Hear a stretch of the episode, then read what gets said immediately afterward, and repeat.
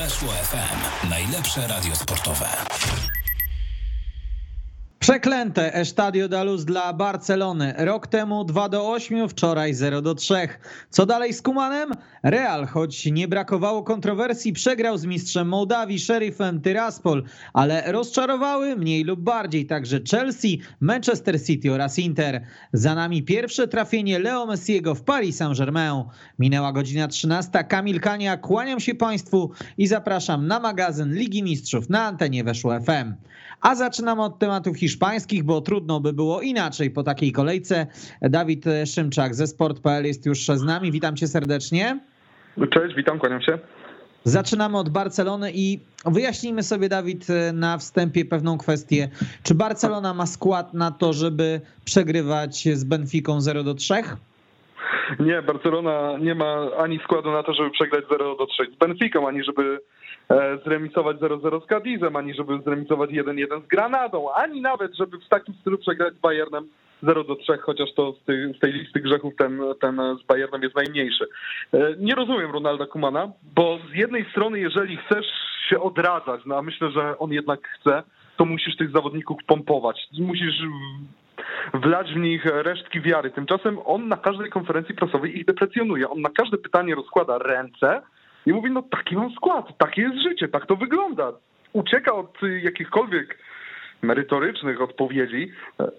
Nie mam składu, nie mam piłkarzy, brakuje nam szybkości. Tymczasem patrzymy na, na ten skład, którym on dysponuje i oczywiście nie ma Messiego, nie ma Griezmana, nie ma, wracając do czasów zamierzchłych Iniesty, Szawiego i Busquetsa w najwyższej formie, Pewnie, że nie. Pewnie, że ten ubytek jest duży. Natomiast cały czas jest Depay, cały czas jest Frankie de Jong, cały czas jest Pedri, cały czas jest e, Piqué, cały czas jest Ronaldo Araujo, który jednak nie zawodzi. Cały czas jest Alba. Naprawdę ten skład można poskładać, tylko trzeba mieć na to pomysł, trzeba mieć, e, myślę, odrobinę samorefleksji i umiejętności przyznania się do błędu, bo ja jednak na początku myślałem, gdy, gdy Ronald Koeman błądził na tych konferencjach prasowych i nigdy nie przyznał się do najmniejszego błędu, że to jest taka taktyka, że nie pokazuje swojej słabej strony, że no, uciekam od przyznania się.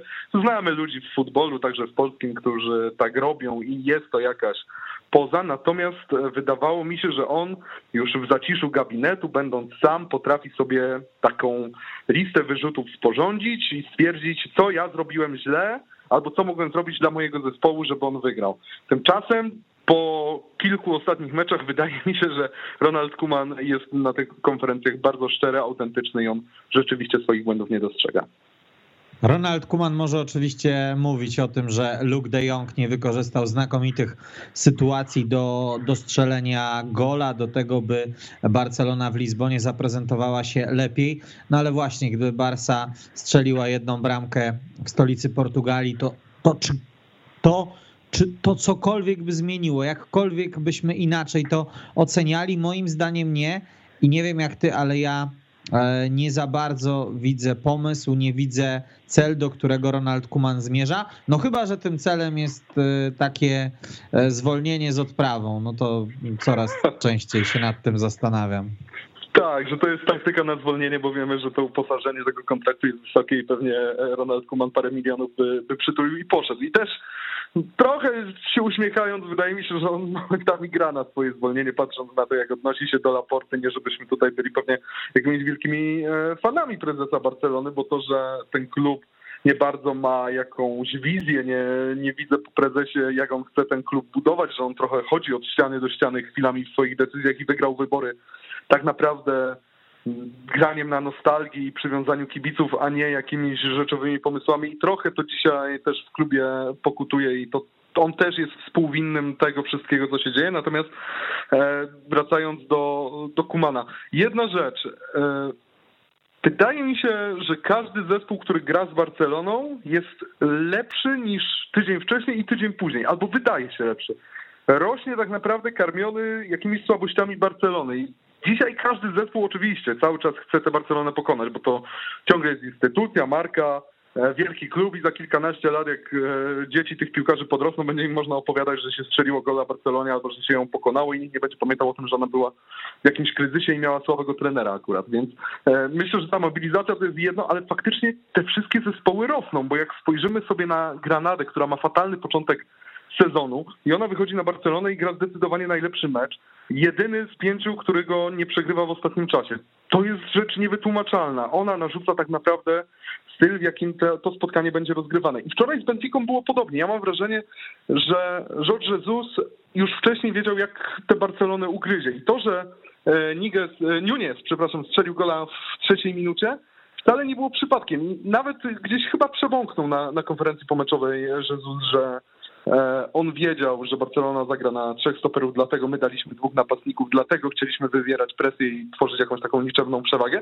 No i to się stało. Ronald Kuman upiera się przy trzech obrońcach, mam wrażenie przede wszystkim po to, żeby pokazać e, Laporcie, że Barcelona nie musi grać 4-3-3, co, co sugerował mu prezes. I przegrywa, bo tych dwóch obrońców z trzech, których wystawił, popełnia, popełnia błąd i, i Benfica wychodzi na prowadzenie. Później Gerard Piqué to jest też swoją drogą, mam wrażenie, jakiś delikatny, może nawet nie delikatny upadek piłkarza, że, że on tak rozpoczyna ten mecz, że e, notuje tę kartkę i faktycznie jest blisko drugiej. Z jednej strony sobie pomyślałem, że od takiego piłkarza jak Piqué, z tym doświadczeniem, z e, takim wpływem na, na drużynę, bądź co bądź liderem całego zespołu, możesz od niego wymagać, że potrafi na tyle kontrolować to, co dzieje się na boisku i swoje emocje, że jednak zostawiasz go, nie musisz go zmieniać, nie musisz burzyć planu na ten mecz, przez to, że on jest bliski drugiej żółtej kartki i za chwilę może wylecieć z boiska. Że okej, okay, jakby to zrobił Araujo, mniej doświadczony, ja bym to rozumiał, że, że on może nad sobą nie zapanować, ale Piqué moim zdaniem powinien. Ale później, jak jeszcze raz sobie zobaczyłem skróty tego spotkania i co tak naprawdę robili piłkarze Benfiki z Piqué, że on rzeczywiście po prostu nie nadążał i taka kolejna akcja mogła się powtórzyć, to zacząłem rozumieć e, Kumana, że, że do tej zmiany doprowadził. Inna sprawa, że ona mu rozwaliła mecz, bo e, te pierwsze pół godziny, gdy e, jednak Frankie de Jong grał w środku pola, był najlepszym piłkarzem na boisku moim zdaniem, i, a na pewno w zespole Barcelony. I on tę większość akcji napędzał, wycofany do, jako jeden z trzech środkowych obrońców, stracił tak naprawdę większość swojego wpływu na grę, a Barcelona kompletnie stanęła, oddała piłkę Benfice i już tak naprawdę z tego, z tego nie wyszła. Michał Gajdek, socjo Barcelony, którego znamy z podcastu 9campnou.com, e, wczoraj napisał po którejś z bramek, teraz już naprawdę im wyżej, tym e, lepiej. No to dobrze obrazuje, mam wrażenie, e, nastroje kibiców Barcelony, którzy wyczekują tego zwolnienia. No i pytanie, czemu Ronald Koeman wciąż jest trenerem Barcelony? Kasus tego, co działo się wcześniej na tym stadionie, czyli z Bayernem. Też mi się przypomina, że wtedy e, kibice pisali, że może Setien jeszcze by został trenerem Barcelony, gdyby tam było na przykład 0-3 albo 4-1. Jednak, żeby to nie było takie upokorzenie jak 8-2, które, które się wydarzyło. E, tutaj jest podobnie, to zniechęcenie jest widoczne. A czemu on ciągle jest trenerem? Ja myślę, że dwie rzeczy. Jedno uposażenie i odprawa, którą by trzeba było mu wypłacić, to jest jedno. Barcelona E, powszechnie wiemy, nie, nie, nie, nie ma pieniędzy. A druga rzecz jednak jest problem ze znalezieniem następcy, bo pamiętam jak latem e, Laporta robił tak naprawdę wszystko, żebyśmy odczuli, że on szuka nowego trenera i szukał, szukał i mam wrażenie, że, że nikogo nie znalazł i jednocześnie podkopał e, Ronalda Kumana, zniechęcił go do siebie. To był jakiś tam też początek e, ich konfliktu. Było czuć, że on jest absolutnie do Holendra nieprzekonany, ale z braku innych opcji on na tym stanowisku został. I przeglądam listę kandydatów, którzy dzisiaj są e, w kontekście Barcelony wymieniani. Andrea Pirlo. No błagam.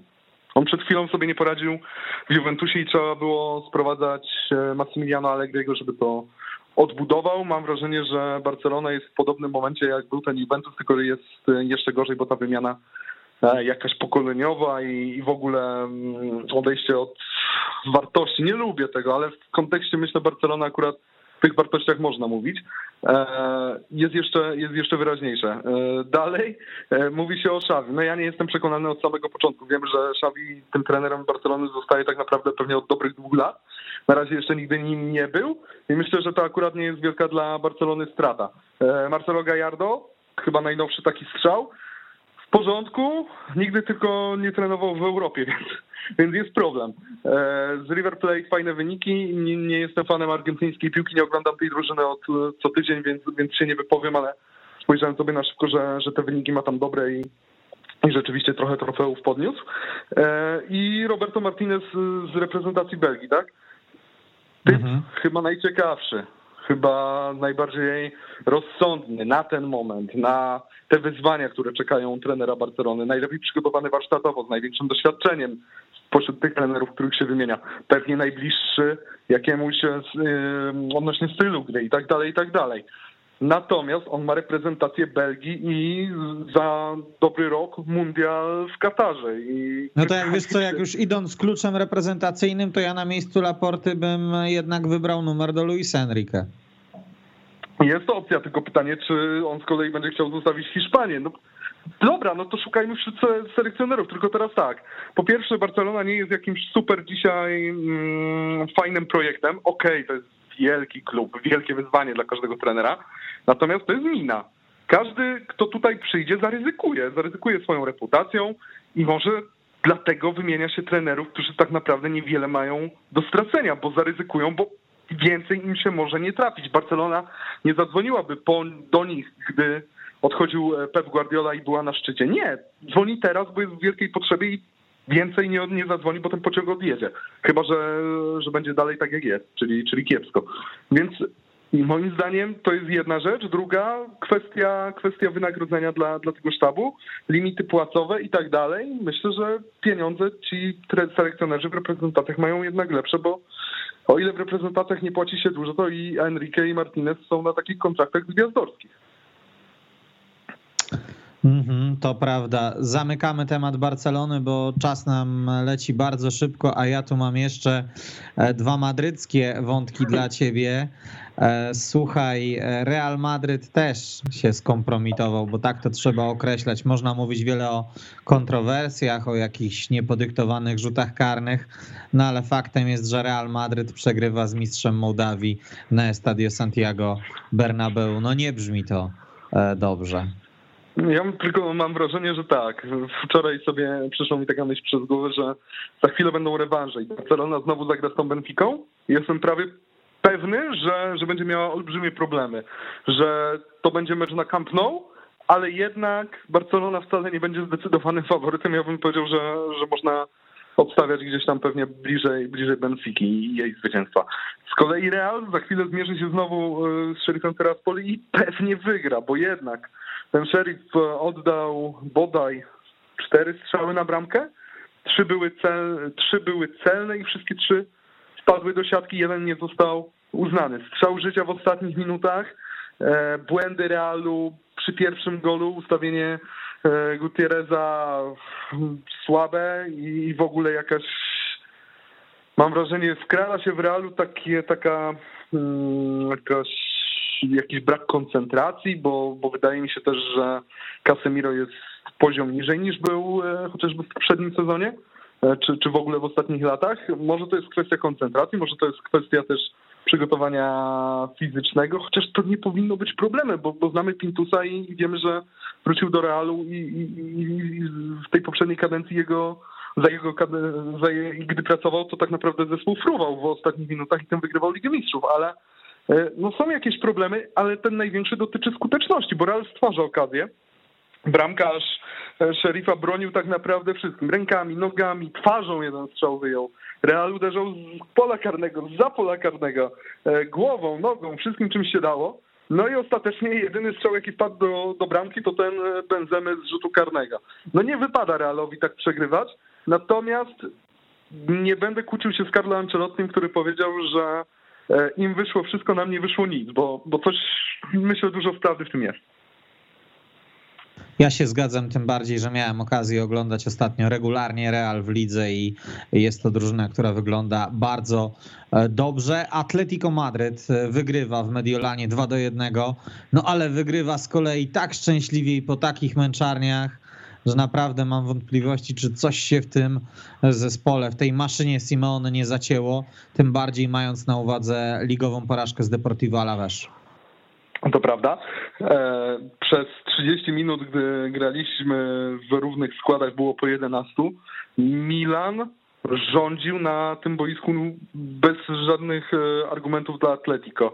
Ono było stłamszone, ono było zawsze krok wolniejsze i miało olbrzymie problemy, żeby za tą intensywnością nadążyć. Przeczytałem taką opinię w El Pais, że to się powtarza, że nie powtarza się tylko, tak jak mówisz, w, w kontekście ostatnich meczów ligowych, ale jeśli przyjeżdża po prostu rywal doskonale przygotowany fizycznie i motorycznie i taktycznie na mecz, czyli ostatnim takim rywalem chociażby e, dla Atletico była Chelsea prowadzona przez Tuchela w zeszłym sezonie w Lidze Mistrzów, to Atletico wytrąca się z rąk wszelkie argumenty, że oni już nie doskakują do tego poziomu, jeśli chodzi właśnie o szybkość gry, o o, to, o tę umiejętność też wychodzenia spod pressingu i tak dalej, i tak dalej, i tak dalej. Więc to jest jakiś, jakiś problem. Myślę, że tam też trwa trochę, trochę jakaś taka długo już to, to, to swoją drogą idzie, ale jednak zmiana prowadzenia tej drużyny przez Simone, bo zawsze jeżeli myśleliśmy o tym klubie, to było 13-14 piłkarzy, z których Simone korzystał przez cały sezon. Jedenastkę można było wymieniać obudzonym w środku nocy i, i się trafiało. Dzisiaj e, ten, ten mecz z, mm, z Milanem udało się wygrać rezerwowymi. E, wszedł Felix, Lemar i tak dalej, Griezmann, Lodi, De Paul i ktoś wyliczył, że Simone wpuścił z ławki rezerwowych 300 milionów euro. To mówi tak naprawdę o szerokości tej kadry wszystko. Ja myślę, że Atletico ma najszerszą kadrę, jeśli chodzi o całą ligę hiszpańską i najbardziej wyrównaną. I umiejętność zarządzania tym, pogodzenia wszystkich interesów tych piłkarzy, a ostatecznie zbudowania dobra drużyny, to jest na dzisiaj największe wyzwanie dla Simone. I to różni e, jego od e, szanownego Rolanda Kumana, że on jednak potrafił na konferencji powiedzieć, że okej, okay, mamy problemy, musimy się nauczyć pewnych rzeczy, musimy się rozwijać jako drużyna, musimy tworzyć zespół. Dzisiaj tego nie tworzymy, to jest moja odpowiedzialność, żebyśmy my potrafili reagować na taki pressing rywala, jaki zastosował na nas Milan, bo dzisiaj mamy z tym wielkie problemy. Jeśli coś takiego by powiedział Ronald Kuman, jednak no, zauważyłbym, że ten facet pracuje nad sobą, pracuje nad zespołem, a, a tutaj tego nie widzę. Dawid Szymczak z portalu sport.pl był moim Państwa gościem. Dziękuję Ci bardzo, Dawid. Dzięki, kłaniam się, do usłyszenia. Pozdrawiamy bardzo serdecznie. Robimy sobie krótką przerwę muzyczną, a po niej będzie już z nami Michał Skiba z Super Expressu, a to oznacza, że porozmawiamy sobie o występach klubów angielskich. Weszło FM, najlepsze radio sportowe. Wracamy do Państwa z magazynem Ligi Mistrzów. Za nami etap hiszpański, a przed nami etap angielski. Jest więc na naszych łączach telefonicznych ekspert Michał Skiba z Super Expressu. Witam Cię serdecznie. Cześć, dzień dobry. Jesteś mocno rozczarowany występem Chelsea w Turynie? Tak, tak, bardzo, bardzo rozczarowany, zwłaszcza, że jak rozmawialiśmy sobie o tym meczu przed meczem, no to byłem bardzo dobrze nastawiony i, i nawet nie martwiła mnie nieobecność N'Golo Kante. Uważałem, że Chelsea zdominuje Juventus, mimo że grało na stadionie e, przeciwnika, a nic z tych rzeczy i, i zastanawiam się, czy Chelsea może nie zaczęła e, popadać w jakiś kryzys, no bo wiemy, że porażka z Manchesterem City, teraz e, porażka z Juventusem, rozmiary nikłe, no bo tylko 0 do 1, ale styl gry Chelsea, no po prostu, e, no to było postęp do nieba, ponieważ zagubił się Romelu Lukaku, fatalnie grał środek pola z Jorginho na czele, nawet nie chciał wpuścić na boisko Saula Nigueza, który to wejście do Chelsea ma fatalne i, i zaraz się zaczną spore problemy chyba w drużynie Tomasa Tuchela, czyli z, od nieba do piekła trochę w takiej mojej ocenie mm, zespół Chelsea. Mi się Chelsea podobała w pierwszej połowie do 30 metra boiska, bo kiedy przychodziło do podania w pole karne, dobrego dogrania, które realnie stwarzałoby zagrożenie, jakby brakowało umiejętności, no brakowało co tu się dużo czarować. Masona Mounta. Tak, e, tak, tak, to prawda i, i też brakuje mi takiego Hakima Ziyech za Ajaxu Amsterdam. To jest e, teraz chyba największy cel Tomasa Tuchela, by tego piłkarza wskrzesić, bo miał całkiem dobre wejście w ten sezon, no, chociażby gol w meczu o Superpuchar Europy, trafiał do siatki e, w innych spotkaniach. Kai Havertz chyba w końcu, a znaczy już od jakiegoś czasu, wszedł na taki swój poziom i poniżej pewnego poziomu nie schodzi. I on był właśnie odpowiedzialny chyba mm, za tą grę Chelsea, która ci się podobała e, tak jak mówisz. E, no nie był to za bardzo Hakim Ziyech i zastanawiam się, czy faktycznie nie ma racji Antonio Conte, zresztą były menedżer e, Chelsea, legenda Juventusu mimo wszystko, trzeba tak to powiedzieć, że zaraz Chelsea nie będzie miała pomysłu, jak tego Romelu Lukaku uruchomić, bo, bo Belk także miał fajne wejście w sezon, ale ale ostatnio jest z nim trochę słabiej, a też nie oczekiwałem wielkich fajerwerków e, z meczu z Juventusem od, od niego, bo, bo, to był siódmy mecz przeciwko starej damie Belga, a, a, na koncie ma tylko jednego gola. Więc e, Chelsea fajnie, tak jak mówisz, do którejś tam metra, jak to mówią piłkarze, do którejś zony, strefy, a później, a później straciła się, się koncepcja. Tak, e, brakowało, zdecydowanie brakowało konkretów Chelsea z przodu i tym z pewnością ta porażka wywołana. Mam takie wrażenie, że gdyby ten mecz trwał jeszcze e, kolejne dwie godziny, e, to trzeba powiedzieć, że i tak Chelsea mogłaby tego gola nie strzelić. Chyba tak. Wrzucił taki Juventus Allegrego, który pamiętamy sprzed dwóch czy trzech lat, czyli 1-0, murowanko, ale takie bardzo subtelne, takie z klasą, no bo Juventus zawsze był drużyną, która broniła z klasą, chociaż tak naprawdę ostatnie zwycięstwo 1-0 to trzeba było, trzeba trochę poszukać, żeby znaleźć, kiedy Juventus w Europie, czy w ogóle wygrał jakiś mecz 1-0 i e, zgadzam się z tobą, że gdyby ten mecz potrwał kolejne 90 minut, wcale nie jest powiedziane, że że, że Chelsea by strzeliła jakiegoś gola, pewnie znowu nadziałaby się na jakąś kontrę, no bo też trzeba jednak powiedzieć, no, stracić tak gola, tak jak zrobiła to Chelsea. Mogę się tylko domyślać, jak wściekły był Thomas Tuchel, który nienawidzi y, takich goli. Zresztą żaden trener nie, nie lubi, ale no to jest taki trener, u którego każdy zawodnik musi grać jego, y, jego futbol. Ja pamiętam taki obrazek jeszcze jak był trenerem Mainz Tuchel i nawet jeśli jakiś piłkarz grał fajnie, grał y, ofensywnie, potrafił wiele, ale nie, nie grał tego, czego oczekuje Tuchel, to on takich ludzi wypraszał z treningu nawet. Różne nastroje po tej drugiej kolejce Ligi Mistrzów panują, mam wrażenie, w Manchesterze, bo wczoraj drużyna Ole Gunnara Solskiera no, rzutem na taśmę, mając człowieka, który na drugie nazwisko mógłby mieć Champions League, wywalczyła komplet punktów z Villarrealem. O tyle Manchester City e, przegrał z Paris Saint-Germain. Oczywiście to może nie jest wstydem przegrać z PSG, ale też tych sytuacji, w których Donnarumma musiał się dwoić i troić, zbyt wiele nie było. No mieliśmy w pierwszej połowie Bernardo Silva, który z bardzo bliskiej odległości trafił w poprzeczkę i do, do, do teraz nie wiem jak to się stało, że on nie trafił do bramki i Kevin De Bruyne w drugiej połowie faktycznie Donnarumma nie miał zbyt wiele pracy. Ja pamiętam taki znakomity mecz PSG w meczu, taki znakomity mecz PSG z Bayernem. To był chyba pierwszy sezon Neymara e, w Paryżu i, i wtedy e, Paryż wygrał 3 do 0 i zastanawialiśmy się, a może to jest właśnie ten czas, że PSG wygra Ligę Mistrzów, no bo rozłożyli na opadki zespół Bayernu i między innymi przez ten mecz y, posadę szkoleniowca Biroten stracił Carlo Ancelotti.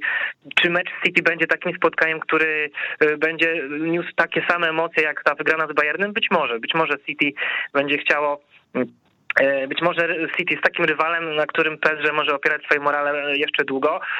E, na pewno taki mecz też może wiele zmienić w zespole City. Być, tak jak sobie mówiliśmy, gra bez napastnika e, w wykonaniu Pepa Guardioli traci troszeczkę już e, swoją wartość, no bo nie ma goli, no to nie ma zwycięstw i i też nawet nie tyle, że nie ma goli. Powoli już nawet nie ma sytuacji na gola, a to w zespołach, w zespołach Pepa Guardioli rzecz rzadko spotykana.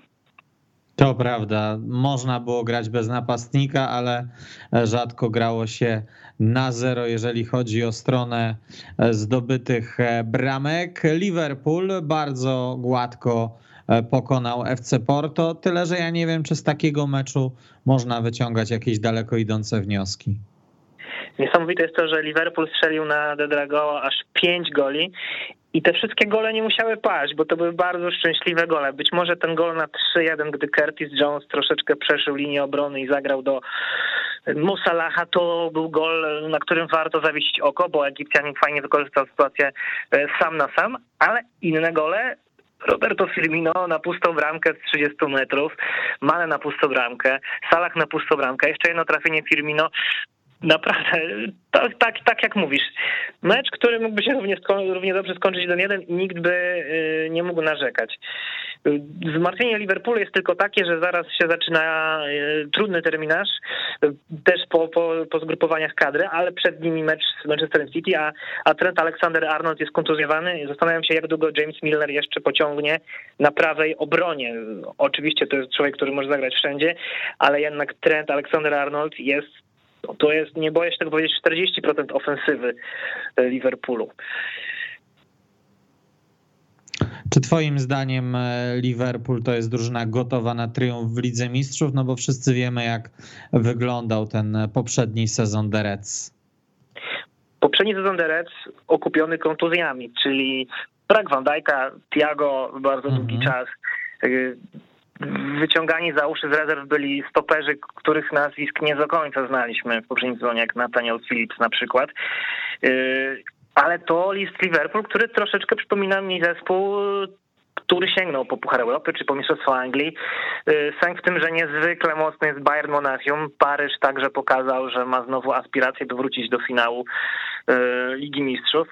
No jest to taki, jest to taki czarny koń, który który może sięgnąć po Ligę Mistrzów i nikt się nie powinien specjalnie temu dziwić, ale nie jest to też główny faworyt. Mimo wszystko cały czas patrzę na Bayern i się zastanawiam, czy oni jeszcze się nauczyli grać e, tak jak chce tego e, Julian Nagelsmann, czy jeszcze nie. A, a, to, a i tak grają świetnie.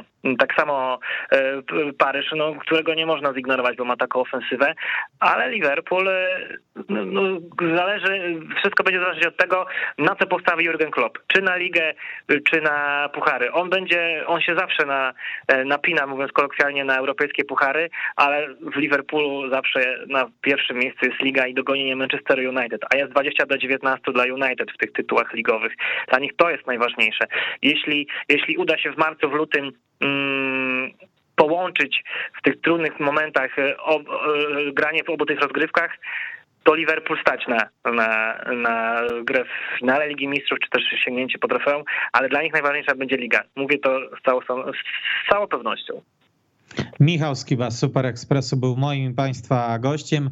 E, dziękuję Ci bardzo serdecznie za poświęcony czas. Dziękuję bardzo, do usłyszenia.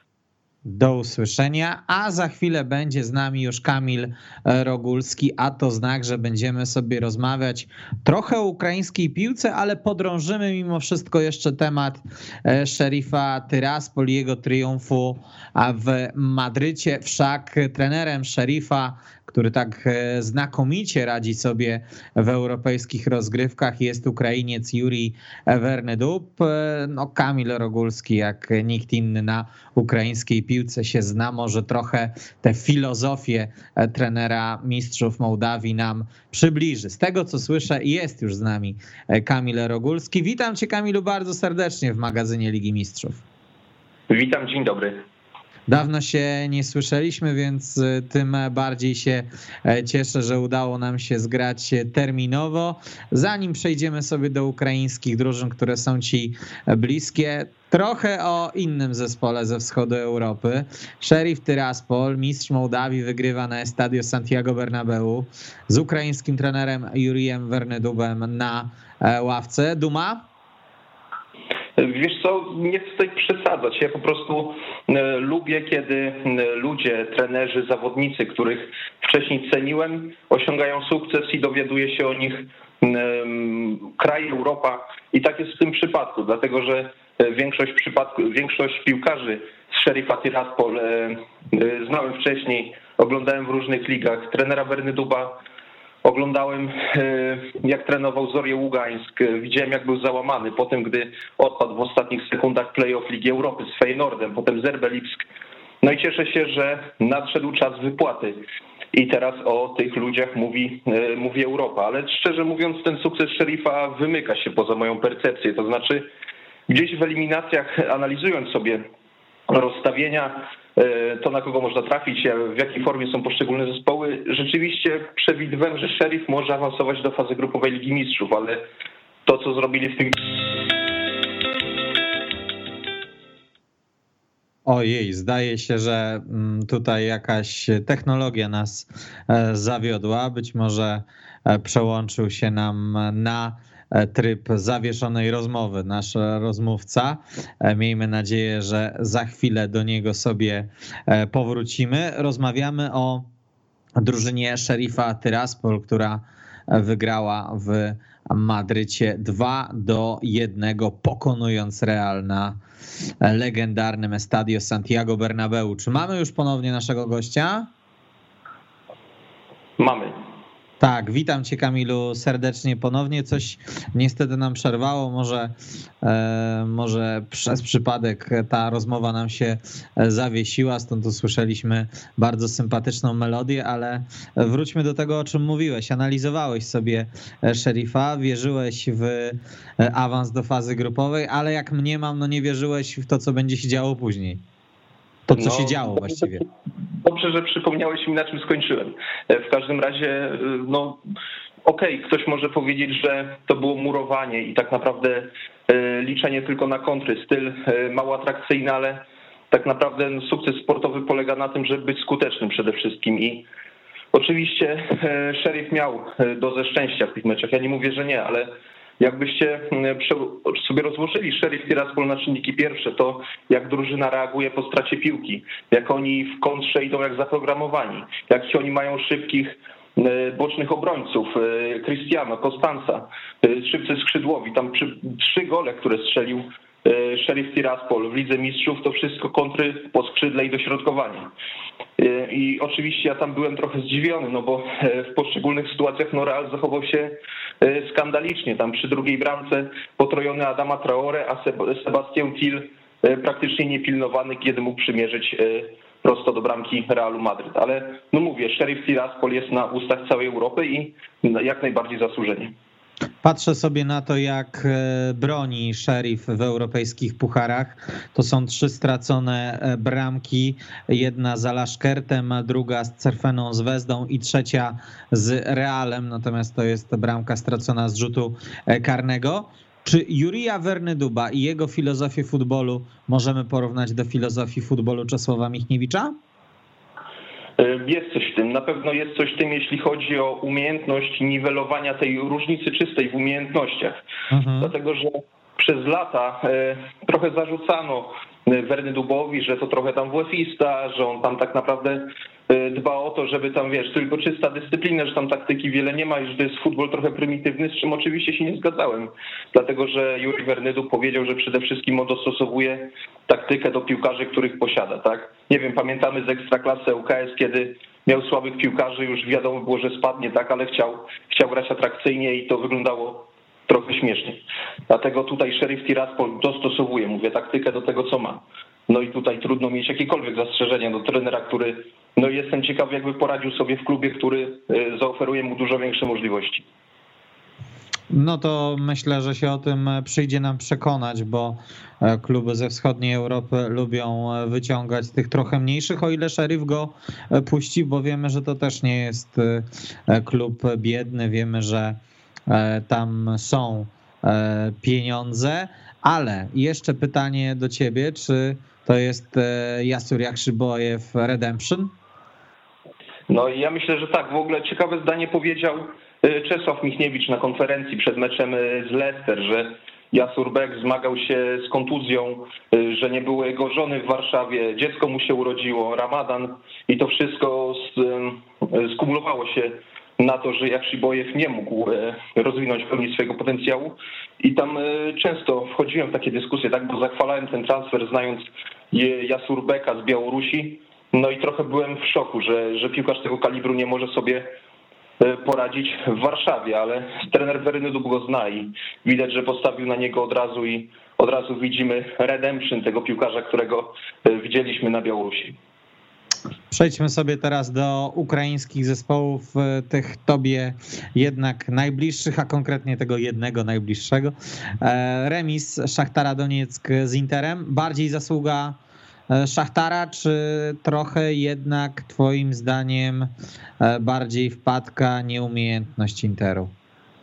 Wiesz co, jeśli chodzi o Inter Mediolan, bo od tego chciałbym zacząć, to byłem mm, bardzo zdziwiony tym, jak jak Inter, e, nie wiem czy zlekceważył, ale tam w, pierwszej minut, w pierwszych minutach była taka sytuacja, że Inter rzucił się do takiego bardzo e, wysokiego pressingu.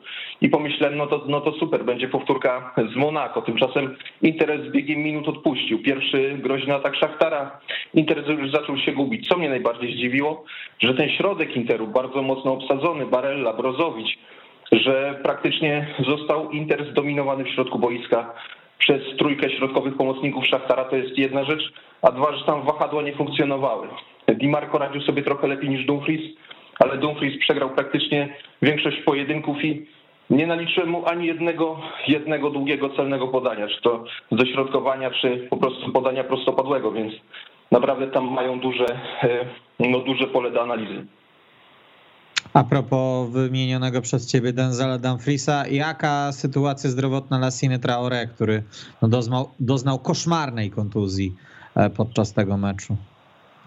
No on czeka na operację w tej chwili, ale już spekuluje się, że będzie pauzował ponad pół roku, nawet do 8, może nawet 9 miesięcy, także no jest to cios dla 20-letniego piłkarza, który naprawdę po przejściu z Ajaxu do Szachtara zaczął świetnie. Myślę, że e, będzie piłkarzem miesiąca. Teraz trwa głosowanie, prowadzi z dużą przewagą jak najbardziej zasłużenie. Jeszcze tydzień temu strzelił dwie bramki Dynamo Kijów e, w Superpucharze Ukrainy i dostał nagrodę piłkarza meczu. Dzisiaj już grać nie może, także no, szkoda piłkarza, człowieka, no bo klub klubem, klub sobie jakoś tam poradzi, ale, ale dla piłkarza to jest ogromny cios. A propos tego, jak sobie poradzi e, klub, za nami dwie kolejki w tej e, grupie. E, Sheriff Tiraspol liderem, za jego plecami oczywiście Real Madryt, później Inter i, i Szachtar.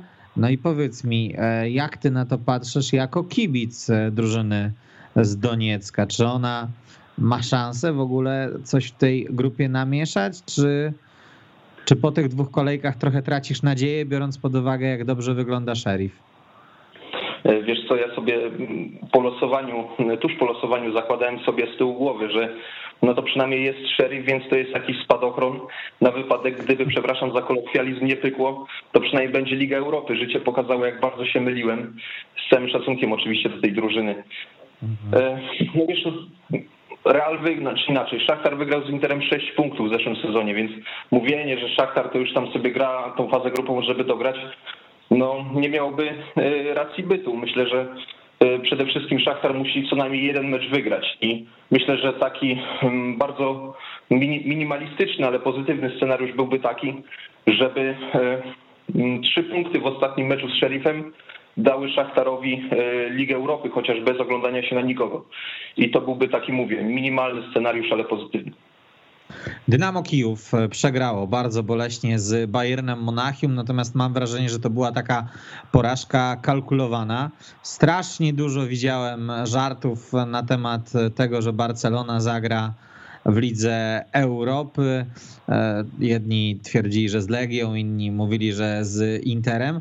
Zastanawiam się, czy Dynamo Kijów twoim zdaniem to jest drużyna, która może taką Barcelonę w rozkładzie ograć? E, wiesz co, ja przede wszystkim upatruję szansę tej drużyny w Luczesku, bo to jest trener, który przy założeniu, że nie nastąpią poważne indywidualne błędy, to jest w stanie naprawdę zagrozić e, wielu topowym zespołom. Tym bardziej, że pamiętamy choćby mecz e, z Barcelona Dynamo, Dynamo Kijów w tamtym sezonie, kiedy Dynamo stworzyło sobie, nie wiem, chyba ze sześć bardzo dobrych sytuacji do strzelenia bramki, ale wpadła tylko jedna z tego, co pamiętam. W każdym razie po takich meczach jak z Bayernem mam e, problem właściwie co powiedzieć. To była porażka wkalkulowana? Oczywiście, że tak.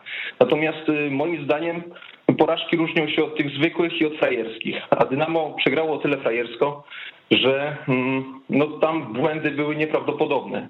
E, nie wiem, Depenia w prostej sytuacji nie potrafił sobie wyprowadzić piłki. Wyprowadził ją za daleko, poszła kontra i 2 do 0. Wcześniej ręka Sydorczuka 1 do 0. Potem głupia strata w ofensywie kontra jednym podaniem kolejna bramka. Potem Sane dośrodkowywał, czy właściwie strzelał. Buszczan wyszedł za daleko, juniorski błąd. One nie przystają bez względu na to, czy grasz z Bayernem, czy, czy z Szachtarem, czy z Kołosem Kowaliwka to oni coś takiego zrobili. Dlatego myślę, że tam no musi, musi trochę mentalnie te drużyny podnieść Luczesku, bo no indywidualne błędy są nieprawdopodobne. Jeśli nie ogarną się do, do Barcelony, to myślę, że Barcelona jednak ich pokona, bo szczerze mówiąc Dynamo Kijów ostatnio tak, mimo że wygrywa te zwykłe ligowe mecze, to jednak 0 do 3 z Szachtarem w Superpucharze, 0 do 5 z Bayernem, teraz kolejny mecz Dynamo Szachtar w ten weekend, więc no Dynamo jest na takim trochę zakręcie już. Mhm. E, Dynamo Kijów e, przegrało. 45 minut rozegrał Tomasz Kędziora, który wszedł na boisko w przerwie z ławki rezerwowych. Jak Polak się zaprezentował? E, wiesz co, no niezbyt, niezbyt okazale. No, tam praktycznie miał jedną taką fajną sytuację, kiedy przyblokował Lewandowskiego, który uderzył obok bramki, ale Mm, tak naprawdę Kędziora wszedł tam y, na ratunek za Tymczyka, który, który się spalił. Tymczyka, który często był pierwszym wyborem w lidze na początku sezonu, ale no, to był słaby mecz całej drużyny i myślę, że jakiekolwiek chwalenie po takim wyniku byłoby niepoważne. Mhm. E, no cóż, zobaczymy jak w kolejnych spotkaniach Dynamo sobie poradzi. Kamil Rogulski był moim Państwa gościem w magazynie Ligi Mistrzów. Dziękuję Ci Kamilu bardzo serdecznie, że znalazłeś czas na chwilę rozmowy. Dziękuję, aby w przyszłości bez problemów technicznych. Dziękujemy i, e, i życzymy sobie i tobie tego samego. E, taka była druga kolejka fazy grupowej Ligi Mistrzów sezonu 2021-2022. A co czeka nas za trzy tygodnie? E, we wtorek, 19 października, między innymi spotkanie Atletico Liverpool. Ostrzymy sobie zęby na e, potyczkę na Estadio Metropolitano, ale wówczas także chociażby mecz Paris Saint-Germain z RB Lipsk, czy potyczka Ajaxu Amsterdam z Borussią Dortmund. Natomiast będzie ciekawie w środę 20 października, bo Barcelona zagra z Dynamem Kijów. Ważny to z pewnością mecz. Benfica zmierzy się z Bayernem Monachium, a za najciekawsze będzie pewnie uchodziło spotkanie na Old Trafford, gdzie Manchester United zagra z Atalantą Bergamo. Za wspólnie spędzony czas w ramach magazynu Ligi Mistrzów dziękuję Państwu pięknie. Kamil Kania. Kłaniam się nisko, życzę udanego popołudnia i mówię do usłyszenia. Weszło FM. Najlepsze radio sportowe.